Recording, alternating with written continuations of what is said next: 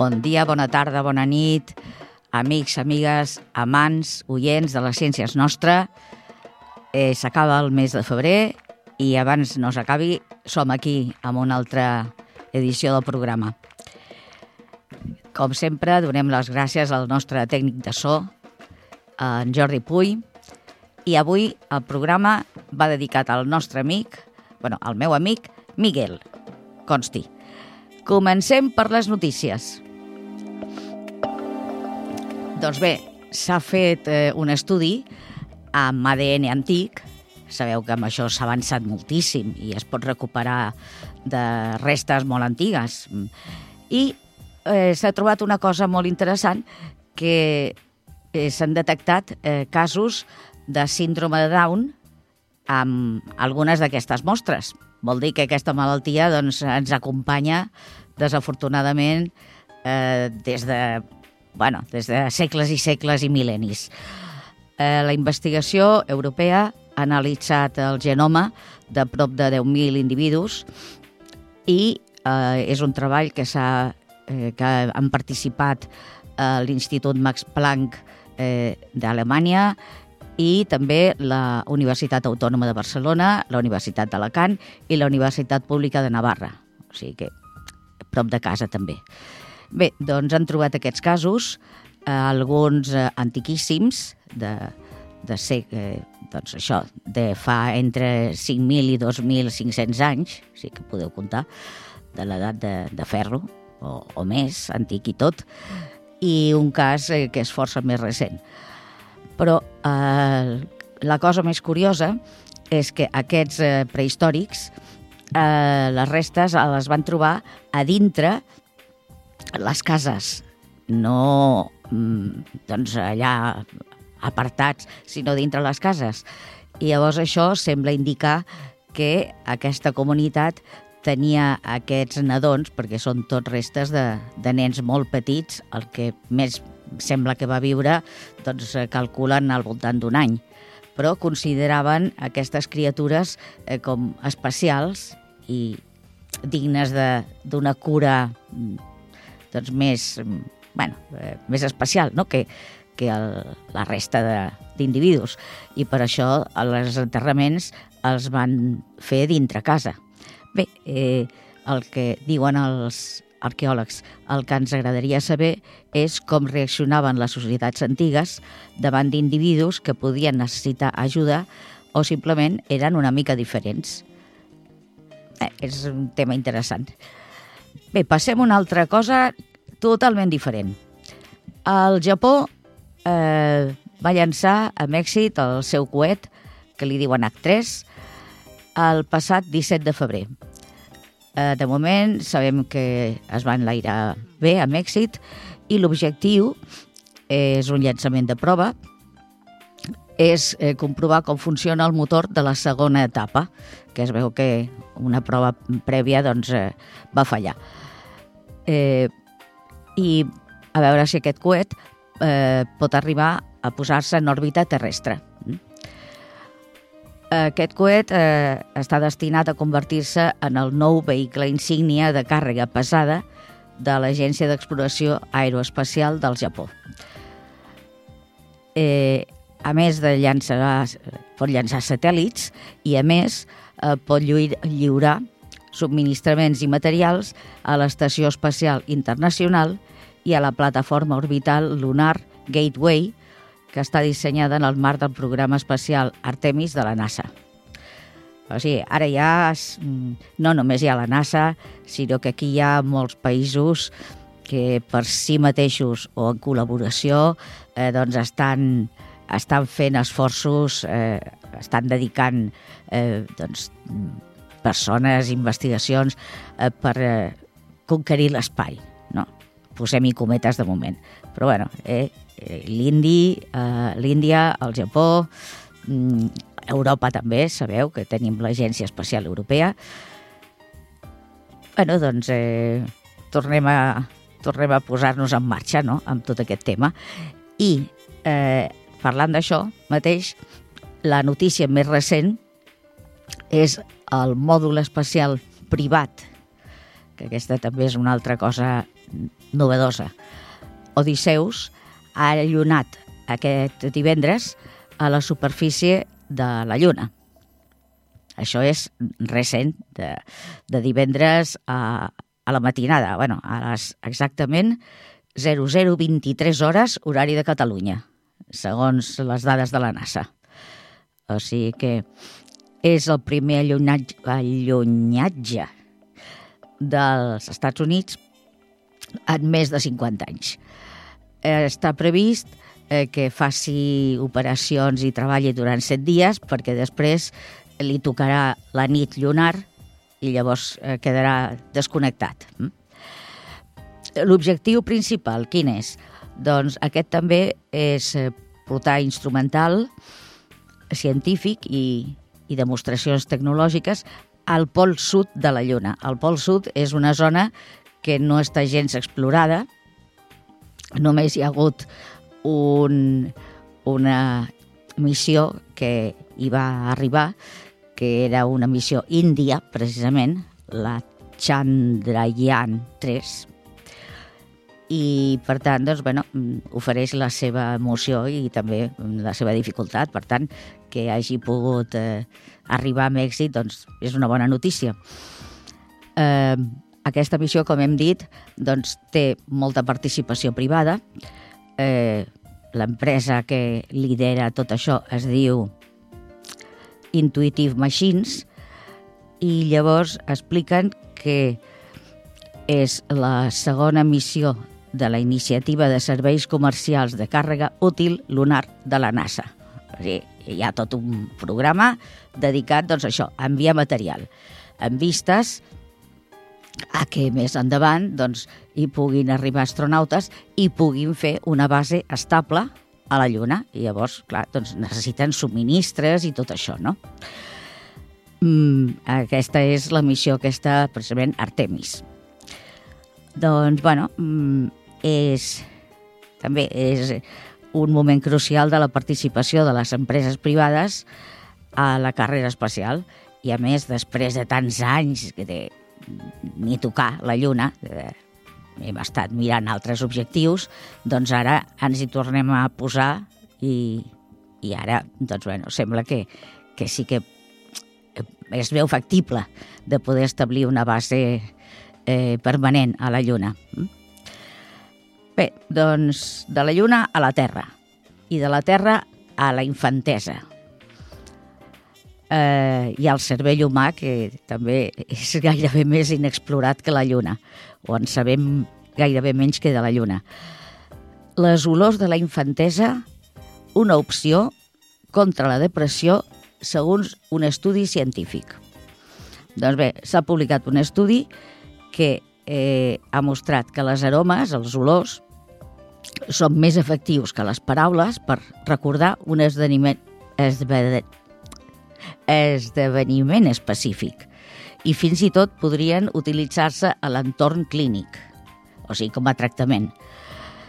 Bé, fa temps que sabem que les olors eh, doncs, eh, tenen un potencial d'evocar mm, records eh, molt gran. Mm? I eh, doncs tenen la capacitat d'incrementar la nostra capacitat cognitiva i la nostra memòria, eh, diuen que per sobre del 200%, o sigui, el doble. Mm? Eh, però ara un treball que s'ha publicat a JAMA Network, és aquest de què estem parlant, doncs ens diu que en sumar un aroma familiar pot ajudar les persones amb depressió a recordar memòries autobiogràfiques específiques que les ajudin a sortir d'aquest estat de depressió, hm? eh, dels cicles de pensament negatiu i reconfigurar els patrons de pensament i així afavorir una recuperació més ràpida.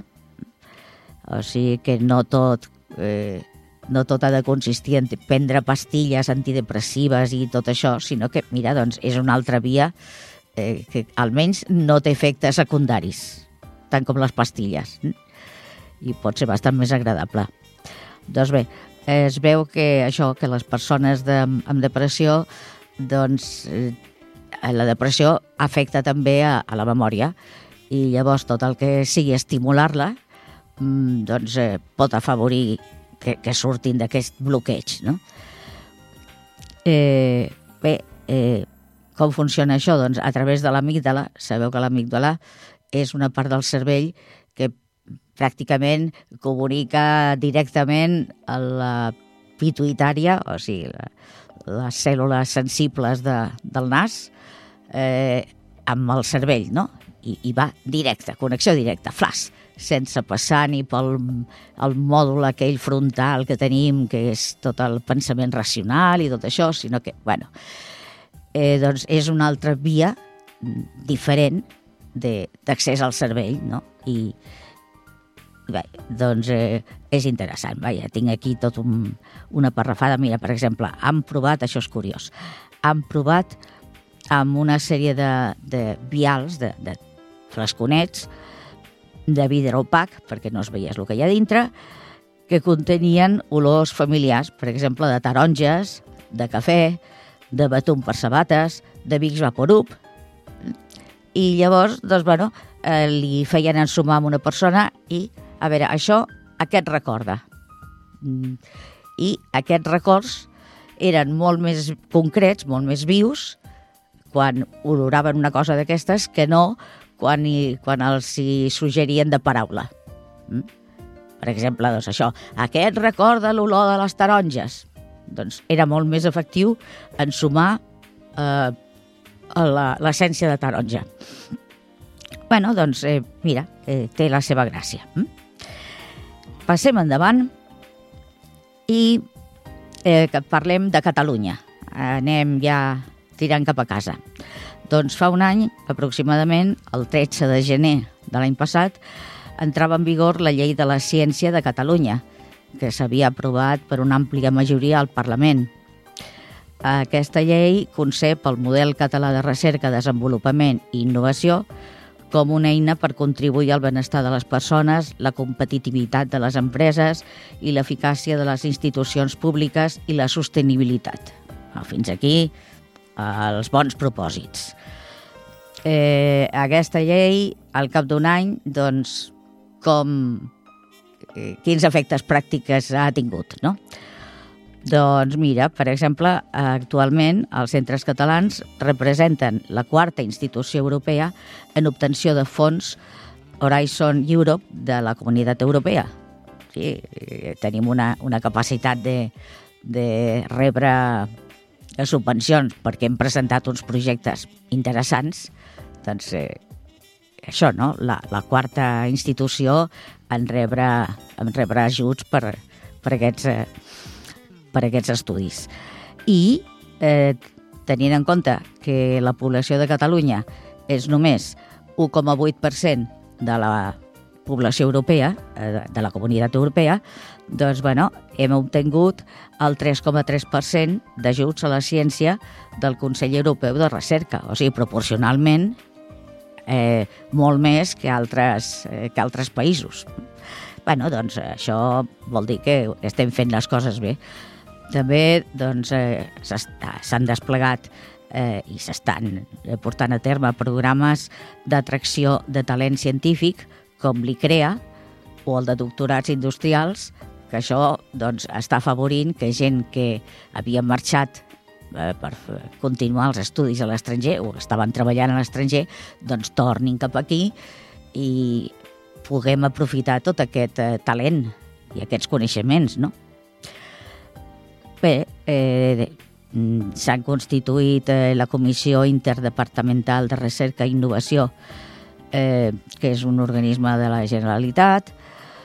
Es va constituir també el Consell per a la Recerca i la Innovació a Catalunya, eh, presidit pel doctor Joan Massaguer, amb altres eh, persones eh, científics de, de relleu importants, que assessorarà el govern en el disseny de les seves estratègies. Sí, estem començant a comptar en sèrio amb científics perquè ens diguin cap on, cap on hem d'anar també en, en qüestions de, de política. Mm? De, de, de, de, concretament, doncs, a veure, on posem més recursos? Ja ho sabem que els calés són sempre molt justos, i depèn doncs, de veure de què ens interessa més. Doncs mira, sembla que eh, ens està interessant la ciència i abocar-hi abocar calés per, per avançar. Això té la seva importància. Bé, i altres, hi ha altres coses que, que no m'estendré. Si voleu, doncs podeu ampliar la notícia. Ja us deixaré, aquesta vegada prometo posar un resum a que quedi penjat al, al web, ja sabeu, de ripolletradio.cat, i allà us deixaré els enllaços si voleu ampliar aquestes notícies. Uh, bé, eh, només eh, per acabar, us dic que de tots aquests projectes i totes aquestes coses, doncs, per exemple, molt important, s'ha posat en marxa o està a punt de posar-se ara no ho recordo. Però bueno, si no està funcionant, eh, serà cosa immediata. El supercomputador Mare Nostrum 5. O sigui, ara ja estem amb un supercomputador eh, quàntic, que n'hi ha poquets al món, i que realment mm, bueno, és un canvi no només quantitatiu, sinó qualitatiu. És un salt, mm, vaja, eh, enorme, eh? La capacitat de fer coses. Això està al Barcelona Supercomputing Centre, que està a Sabadell. Eh, també s'està eh, impulsant la construcció del sincrotró de quarta generació a Cerdanyola, a, on hi ha l'Alba. Mm? Doncs ara eh, s'està renovant les instal·lacions i serà molt més potent. bueno, eh, també és és un punt important. Per cert que hem d'anar un dia, vaja, jo m'ho proposo, i si voleu eh, fem una, una anada col·lectiva, ja mirem com, com s'ha de fer a l'Alba, perquè estem al costat i és...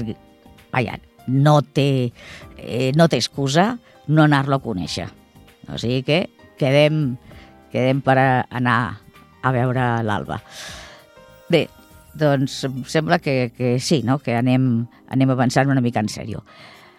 Deixem les notícies, però passem a l'agenda. Doncs cara al futur. Eh, el Museu de Ciències Naturals de Barcelona acaba, ara fa 3-4 dies, acaba d'estrenar una exposició dedicada a l'aigua, que es titula Aigua, una exposició sense filtre eh, que dona veu al dret bàsic a l'aigua potable. Que nosaltres, bueno, ho tenim tan assumit que obrim l'aixeta i surt aigua eh, que se'ns fa difícil de, de pensar que en molts llocs del planeta doncs, no en tenen d'aigua potable. I amb sort tenen un pou per anar-la a buscar. I d'altres doncs eh, bueno, no? I ara que estem en situació de sequera i que ens estan dient, a veure, aneu amb compte i, i que hi ha restriccions, doncs, bueno, ens queixem, imagineu-vos com estan doncs, a, a mig del desert a molts llocs. Mm? Bé, doncs aquesta exposició ara parla de tots aquests aspectes, mm, és molt interessant d'anar-la a veure i això és, eh, com us he dit, al Museu de Ciències Naturals de Barcelona es podrà visitar fins febrer de l'any vinent, o sigui que tenim temps per anar-la a veure. L'horari és de dimarts a divendres de 10 del matí a 5 de la tarda, dissabtes de 10 del matí a 7 de la tarda i diumenges i festius des de les 10 del matí fins a les 8 del vespre. El preu és entrada d'exposició eh, 6 euros i mig, entrada reduïda 4 i mig, mm, que mm, heu de mirar al web a veure si podeu accedir a aquest preu reduït. I tot això on és? Doncs eh, està a la plaça Leonardo da Vinci, número 4, que és prop de la parada de metro de Maresme Fòrum de la línia 4. Eh, també organitzat pel mateix museu, hi ha una visita guiada al Jardí Botànic de Barcelona, que serà el dia 3 de març, de 12 a 1, i és per adults. Mm? O sigui, està pensada per, per adults, no amb totes les criatures, no. I eh, l'organitza, doncs, ja us he dit, el Museu de Ciències Naturals de Barcelona. Eh, més informació i inscripcions. Doncs podeu mirar la informació a museuciències.cat i amb.cat. Eh, ja teniu tota la, tota la informació, les coses. Com sempre, una ullada que fan al Cosmo Caixa, perquè ja sabeu que sempre fan coses, i l'altre dia us vaig dir, bueno, i també hi ha més conferències, però ja us les anunciaré. Doncs bé, la propera conferència, que no ens l'hauríem de perdre, és amb l'Eudald Carbonell, que sabeu que és el que va el líder, el cap de l'equip que va, que va descobrir Atapuerca i que, bueno, s'ha doncs fet famosíssim, a part és una eminència, realment ens sap, ens sap un niu, doncs ens farà una conferència sobre humanitat i futur.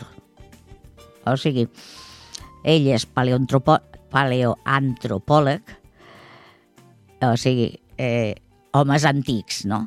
Doncs d'homes antics en sap un, un munt. En funció de tot això que en sap i de l'evolució que hem tingut doncs, des de temps eh, prehistòrics fins ara, doncs com l'Eduard eh, Carbonell veu el nostre futur. Eh, farà un recorregut per l'evolució de l'Homo sapiens, subratllant especialment certs punts clau, com ara la consciència crítica de l'espècie, que sí que és veritat, que, que bueno, tenim la capacitat de pensar i de, i de veure si les coses van bé, mal, eh, hem de rectificar tot això, que després eh, ens quedem a mitges, però bueno. Eh, vale. La pèrdua de biodiversitat, sabeu que doncs, han anat desapareixent moltíssimes espècies. Parlem dels dinosaures, però bueno, hi ha molts altres bitxos que no els hem conegut més que en fòssil. I en els temps actuals continuen desapareixent espècies. No és només eh, eh, fa segles o fa mil·lennis. Ara continuen desapareixent també. I moltes estan en perill d'extinció. Doncs la pèrdua de biodiversitat, com ens afecta, la pressió de la superpoblació, que cada vegada doncs, som més aquí en el planeta, les transformacions tecnològiques, doncs bé, eh, mitjançant una anàlisi de les adaptacions biològiques que caracteritzen la nostra espècie i de les complexitats que, culturals que ens distingeixen, eh, doctor Carbonell mirarà de donar forma a l'esdevenir que ens espera, el que ell pensa que pot ser el nostre futur. Mm? Vaja, no ens ho perdem, perquè a més serà demà dimecres, o sigui, no sé jo si, si trobarem entrades encara o ja estarà tot eh, exaurit, però bueno, intentem-ho. Dimecres 28 de febrer i com sempre eh, més informació i entrades a cosmocaixa.org org, i dintre d'allà doncs, hi veureu que hi ha un, un apartat que posa conferències. Bé, eh, venim aquí cap a casa a veure què, què es fa a Ripollet o què es preveu pels propers dies. Doncs tenim, com sempre, a l'Escola de Salut, que sabeu que es fa un cop al mes. Aquest mes eh, es parla de nutrició, alimentació i esport. Eh, sabeu també que ho fan els professionals dels CAPs d'aquí de Ripollet, els professionals sanitaris.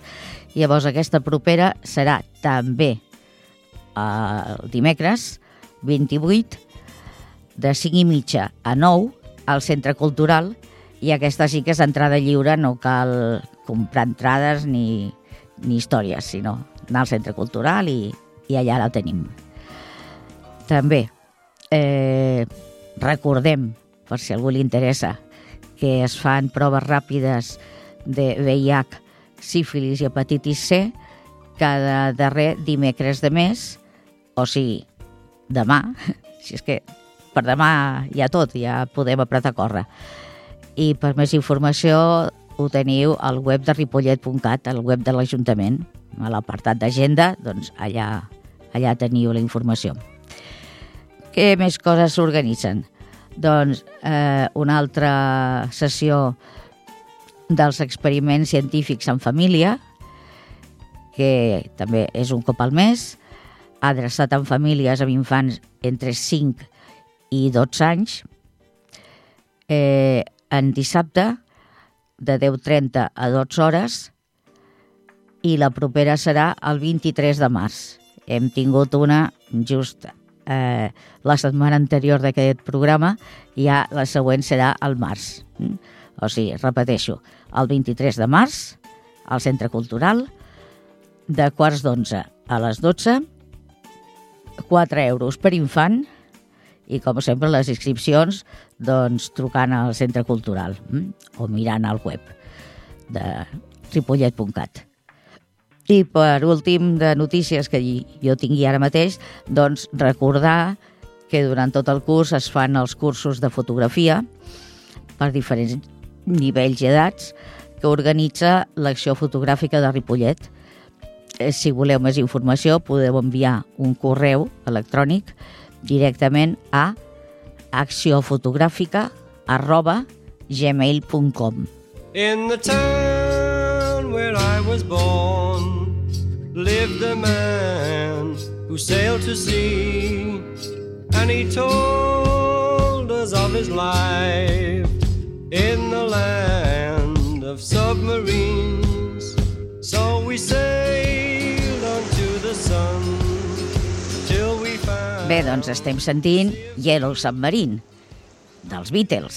Potser alguns ja ni coneixeu el grup ni coneixeu el, la cançó, però bueno, és el submarino amarillo, mm? el submarí groc. Doncs parlem de colors. Recordeu que el darrer dia ens hem quedat sortint de l'edat mitjana. O sigui, encara ens queda la part més, més bona, que és de, des d'allà fins avui dia. Eh, de moment teníem els colors terra, els marrons, teníem uns quants blancs, els vermells, eh, teníem la porpra aquella tan especial, algun blau, això no, no gaire, i algun verd. bueno, doncs tirem cap a què passa després. I el Renaixement. El Renaixement, aquí hi ha molta novetat. Eh, hi ha moltes més eh, colors de terra perquè eh, se'ls acut de torrar la terra. I llavors, eh, si abans, bueno, els que heu fet eh, pintura, doncs sabeu que hi ha uns colors que li diuen ombra i uns altres que li diuen siena. Això són terra, o sigui, terra, terra de, de, la, de la terra. Doncs eh, eh, de Siena, de la ciutat de Siena, a prop de Siena, i de l'Ombria, que és una zona també d'Itàlia. Mm. Doncs els ombres se suposa que venen de l'Ombria. Molt bé, doncs, el Renaixement pensen, a veure què passa si escalfem aquesta terra, si la, la calcinem, i surten uns altres colors, que són el siena torrat i l'ombra torrat. Mira, eh, i són diferents. Molt bé, què més tenim? Doncs tenim un altre color de terra, que és verd. Doncs tenim la terra verda. Mm. Eh, la terra verda, encara que es pensis quina cosa més rara, es feia servir de base per les carnacions, o sigui, pels colors de, de pell, mm? per les cares, per, eh, sobretot les cares, eh? quan eh, es pintaven imatges. Doncs de base feien servir aquest color de terra verda. Més, en, més eh, endavant, eh, la laca egípcia, que la produeixen uns bitxos, doncs també la van, van aprendre a millorar les tècniques. És, una, és un, un compost que dona un color vermellós, hm? eh, que és el color vermelló o carmesí, aquestes coses. Bé, no, aquest color doncs, va ser important i molt sovint es feia servir com esmalt eh, mig transparent per representar els colors de les terles i les cortines i eh, els ropatges i aquestes coses. Eh, un altre color que també es va començar a fer servir va ser el blau ultramar, que surt del lapislàtzuli. Recordeu que vam parlar de la màscara de Tutankamon i que els egipcis eh, coneixien el lapislàtzuli, però el feien servir com a pedra semipreciosa. Recordeu que la màscara és d'or i té unes parts blaves, que és d'aquesta pedra. El que no havia après és a eh, triturar-lo per fer-ne eh, pigment que es pogués fer servir en pintura. Doncs això comença a partir del Renaixement.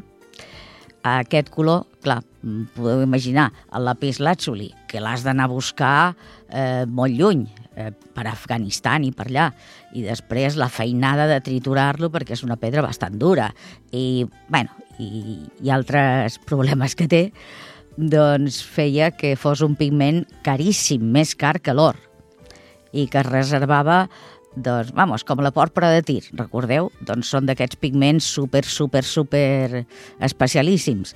I aquest blau es feia servir, per exemple, pel mantell de la verge i per així, llocs eh, concrets, eh, perquè tenia també un significat eh, religiós, eh? Així com la porpra s'associava al poder, doncs el blau eh, estava associat doncs, això, a la santedat, aquestes coses. Bé, eh, són pigments mm, molt especials. Endavant les atxes. Eh, bueno, això va durar fins que eh, més endavant veurem que es va inventar un pigment sintètic amb un color molt semblant al de l'ultramarí. Llavors es van acabar tots aquests problemes. Bé, passem a l'edat moderna. Edat moderna, eh, recordeu, Revolució Francesa, eh, Dalton, eh, els àtoms, eh, començament de la química, que es pot dir química de debò, mm, bueno, un canvi total de perspectiva i un canvi total doncs, de, de producció de pigments. Eh, abans doncs, eh, hi havia pigments minerals que els feien a partir de dels minerals tal com surten de la Terra, a tot estirar, doncs, això, una calcinació, com hem parlat de, dels colors terra, i, vaja, poca cosa més. O trets d'animals, com la porpra i això, o trets de, de vegetals, com l'índigo, per exemple. bueno, doncs ara eh, tenim eh, molt més desenvolupament de colors. Eh, per exemple, eh, amb el descobriment entre cometes, perdoneu, quan els europeus arriben a Amèrica i, i comencen a, veure altres bitxos, altres coses, doncs, eh, per exemple, hi ha una cochinilla, que és un tipus d'insecte eh, americana, que és una diferent de la cochinilla que tenim aquí a Europa. De tots dos bitxos eh, es, es pot eh, extreure un pigment es pot elaborar. No? Eh, vermell. Doncs, bueno, doncs ara tenim una altra font eh, per, per poder fabricar vermell. És l'europeu li diuen kermes i aquest altre, doncs, eh, bueno, cochinilla, mm, són aquests colors eh, carmí, eh, carmesí, grana, doncs tot això surt d'aquests bitxos. Pobrissons. Eh, tenim una altra planta que eh, el nom oficial és la Rubia tinctorum, eh, que també es coneix com herba dels tinturers i també doncs, eh, fa, fa un color mm, entre vermellós, groguenc, això. Molt bé. Eh, us he dit, comença la química en sèrio i comencen ja a, a omplir els forats de la taula periòdica, Eh? Bueno, també eh, ja comencem amb la sistematització de, de els, dels elements, primer el concepte d'element químic, que és bastant recent, i la taula periòdica, i elements nous que es van descobrint. Per exemple, doncs el cadmi, el crom, el cobalt, eh, de tots aquests elements eh, hi han eh, compostos que són de colors. Doncs mira, colors nous. Mm? Eh, molt bé. Per exemple, eh, en 1704 doncs, hi ha un, un tal Johann Jacob Diesbach, que era un fabricant de pigments, i un dia, doncs, volent fer un color, doncs en va trobar un altre. L'home volia... tenia eh, cotxinilla eh, per fer un pigment de cotxinilla i resulta que se li va tornar de color rosa pàl·lid i després porpra i després blau, un blau diferent dels que coneixien. Doncs, a ah, caram, eh, bueno, doncs va anar a buscar el que li havia subministrat el, els productes de base i resulta doncs, que un, eh, un lot de, de potassa que tenia doncs, eh, estava contaminat. bueno, eh, sigui com sigui, doncs va descobrir un color, un color nou que li va dir blau de Prússia i, doncs mira, un altre que tenim a la paleta. Eh, molt bé. Eh, després eh, apareix l'òxid de zinc, que també és un color blanc. Mm. Aquest el recordareu de pomades infantils per la, per, eh, per la cuissó, eh, pel culet dels nens, una pomada blanca, blanca, doncs això és òxid de zinc. Ja us recordeu que hi havia productes que es feien servir tant per, per coses de, de farmàcia com per pigments. Doncs aquest és un exemple. Eh, després tenim un munt de colors de, de cobalt, també fa, fa molts colors diferents, i entre ells, doncs, eh, un senyor que es deia Tenart va descobrir el blau de cobalt. I va descobrir doncs, que era molt semblant al lapislàtzuli, el, el blau ultramar, no sé si us ho havia dit abans, eh, doncs aquest color es deia ultramar, i aquest que va descobrir en Tenart, doncs això, un blau molt semblant. Per tant, doncs mira, ja no cal anar a Afganistan, ja tenim una cosa més a la, a la mà. Molt bé, eh, quin problema tenien tots aquests? I anirem veient que és un problema recurrent, eh, que molts són tòxics i que si no ho sabem, doncs problema al caldo. Vale, segle XIX. Doncs eh, es troba uns jaciments de crom als Estats Units, doncs au, pigments de crom. Molt bé, magnífic. Opacs, o sigui, molt cobrents, econòmics, genial eh, fins que es comencen a, a prohibir perquè molts d'ells contenien plom com a impuresa, el plom ja en vam parlar que és tòxic, doncs, mm, bueno, eh, es van anar prohibint aquests colors.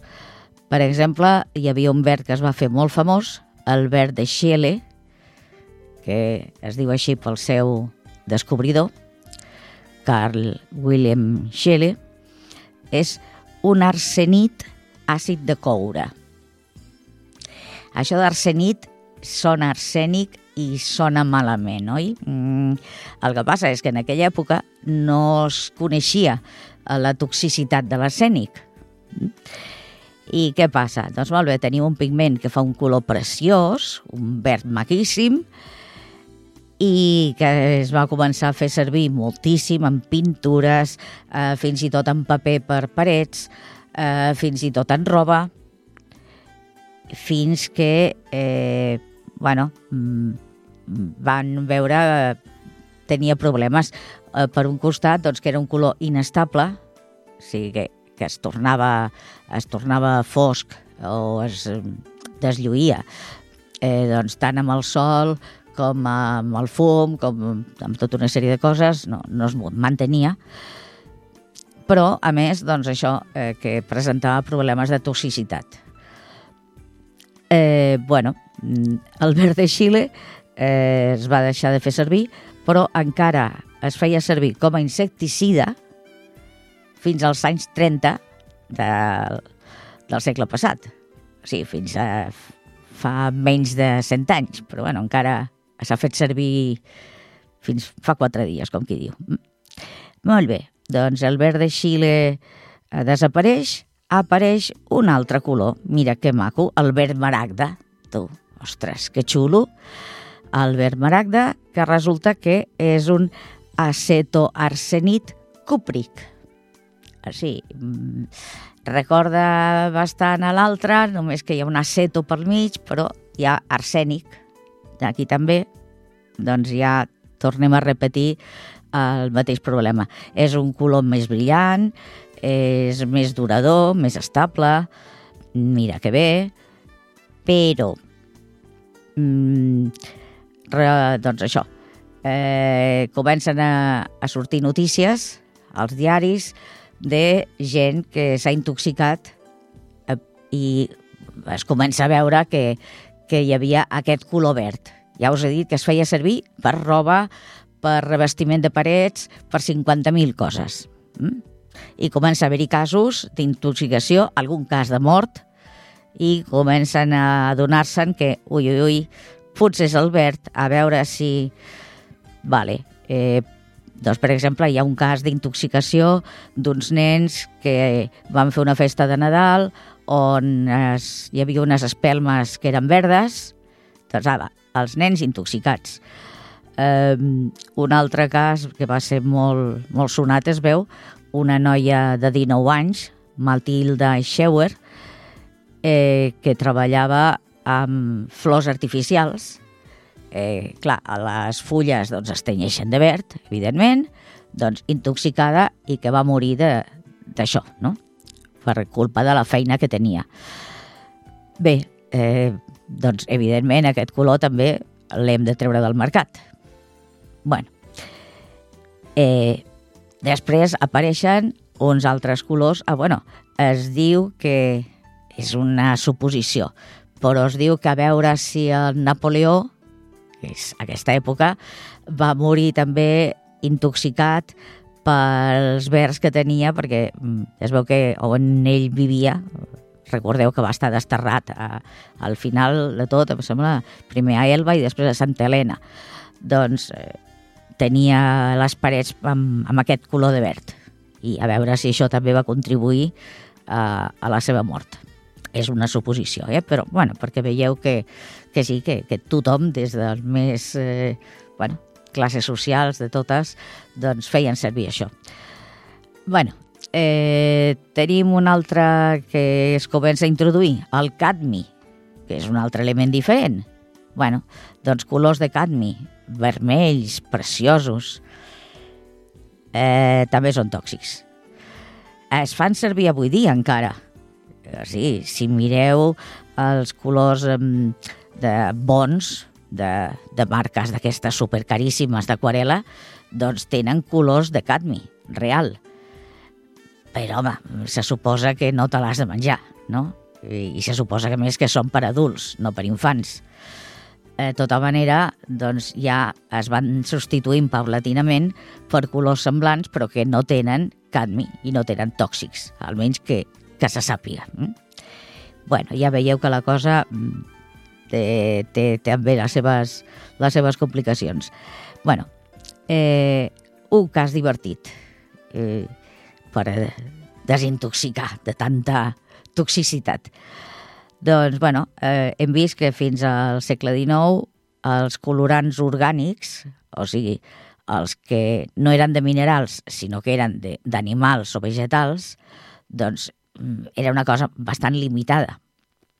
Fins que doncs, bueno, arriba un bon home que tenia 18 anys, era un, un nano jovenet, estava encara un estudiant, William Henry Perkin, eh, estava intentant fer una cosa i li en va sortir una altra. I ja veieu que això és un clàssic, però bueno, doncs aquest treballava, eh, estava intentant eh, fer un tractament contra la malària, que també doncs, és una malaltia que fa temps que, que malauradament ens, ens acompanya, eh, i doncs, bueno, mm, li va sortir eh, barrejant anilila, anilina amb dicromat potàssic, doncs, bueno, li va sortir una cosa allà tot fosca i en comptes de llançar-la a les escombraries, que ho hauríem fet doncs, gairebé la major part de, de la gent, doncs, ah, caram, el nano aquest es va es va parar a veure què era allò. i a fer proves amb aquest residu que li havia sortit, no? I va veure, doncs, bueno, que era soluble, eh, una part era soluble amb aigua, que donava un color violeta, molt maco, per cert. Ostres, tu, doncs mira, això pot servir.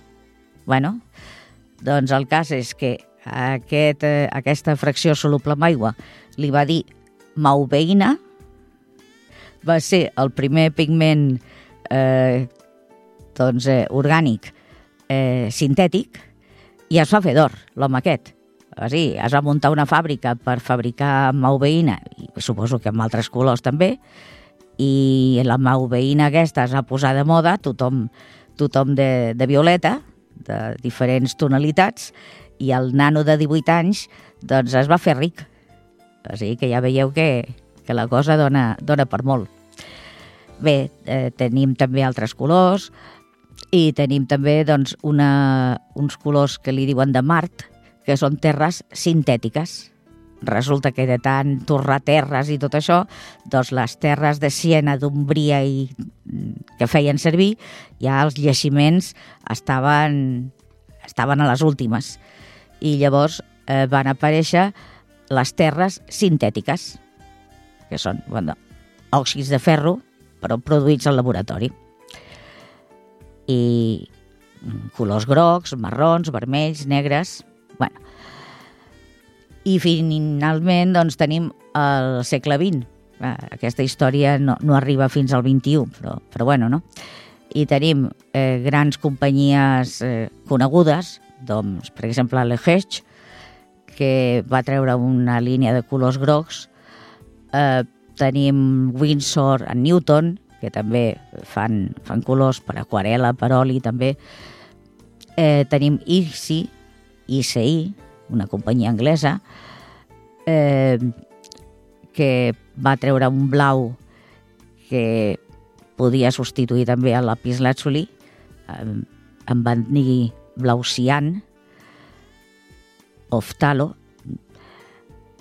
i es fa servir avui dia moltíssim perquè, més, aquest sí que no és tòxic. O sigui que es pot fer servir a les aquarel·les escolars i, i tot el que vulguem. bueno, doncs bé, eh, de pigments d'aquests, eh, he parlat de la moveïna, doncs n'han sortit moltíssims que són orgànics però de síntesi, eh, de tots els colors aguts i per haver, eh, els colors que tenien elements eh, tòxics eh, s'han anat eliminant, bueno, doncs, eh, en fi, i ara tenim aquestes capses que tenim 100 colors, apa! Eh, bueno, eh, doncs, eh, Déu-n'hi-do, no? Eh, ja veieu que el que és més, per mi, el més curiós o el més interessant és com això dels pigments, dels colors, va totalment lligat al desenvolupament de la química. bueno, ho deixem aquí. Eh, si voleu més informació, doncs també us en deixaré l'enllaç. I passem a un altre tema.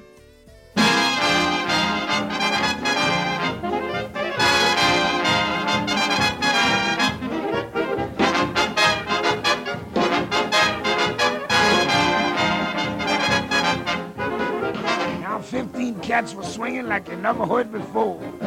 Each one took a solo and the people cried for more. All at once the leader stopped and hollered to the band. "Boys, I Estem sentint Louis Armstrong eh, cantant What is this thing called swing? Què és això del swing? Doncs bé, resulta que hi ha hagut uns, uns científics, investigadors, que han estat pensant, doncs això, què és, per què es produeix aquesta sensació de swing? O sigui, que et venen ganes de ballar, no?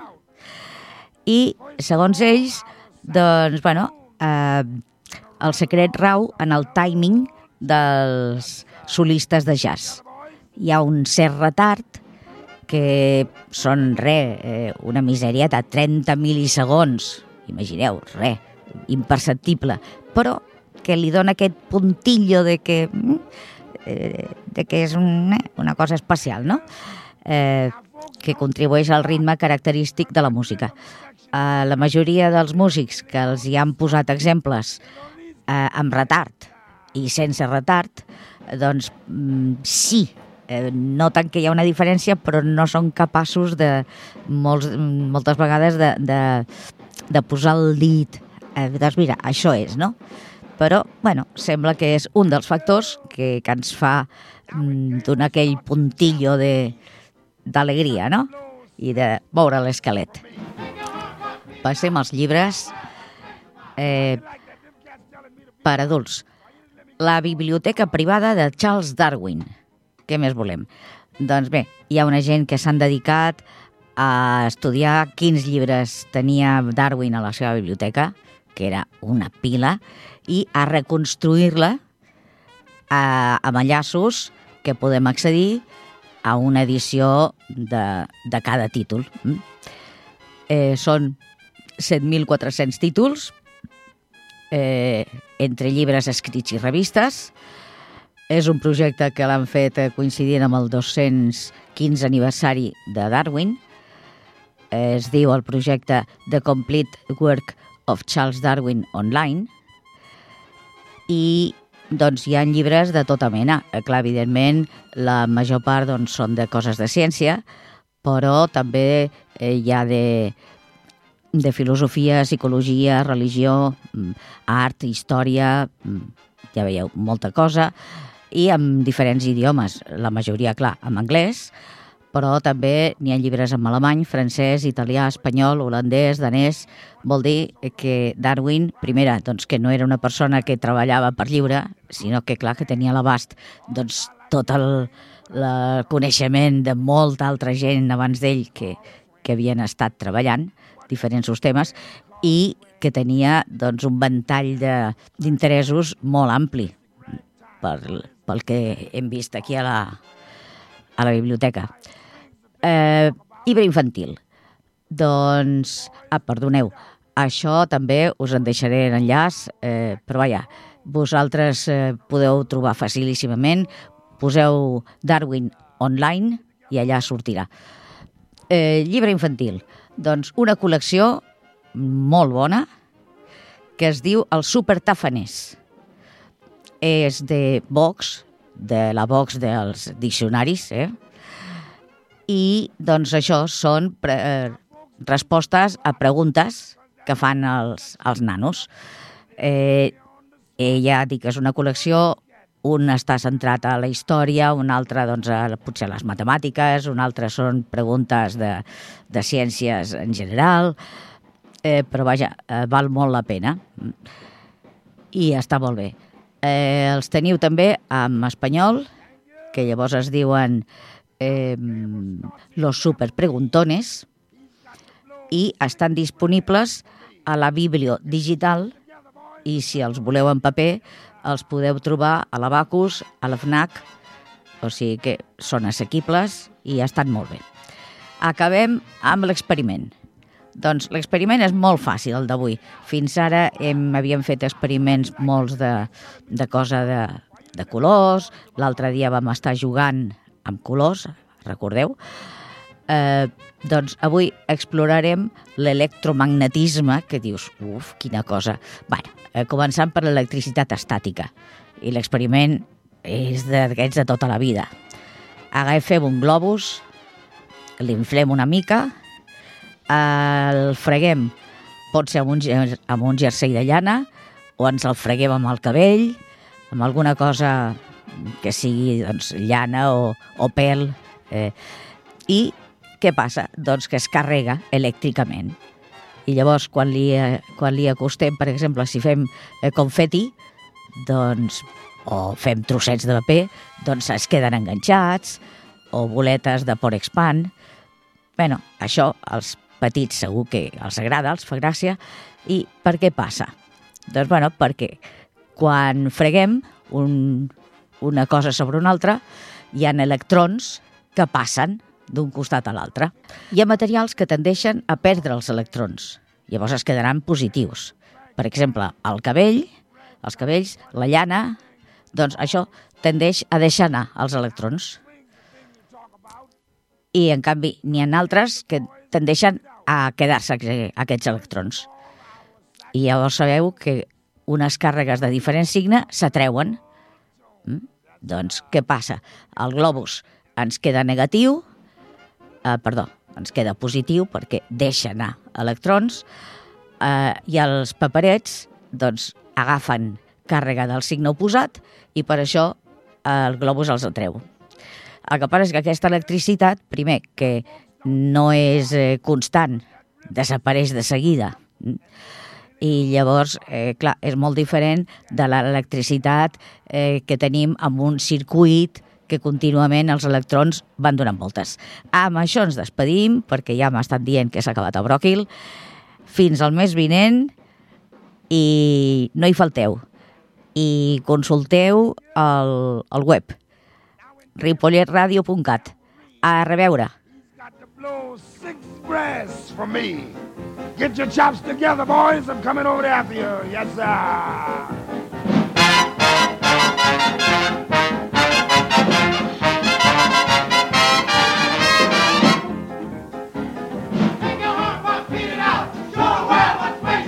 How you like that? Them cats telling me to beat it out? Why you didn't let me get this order to my mind? Wait a minute, wait a minute.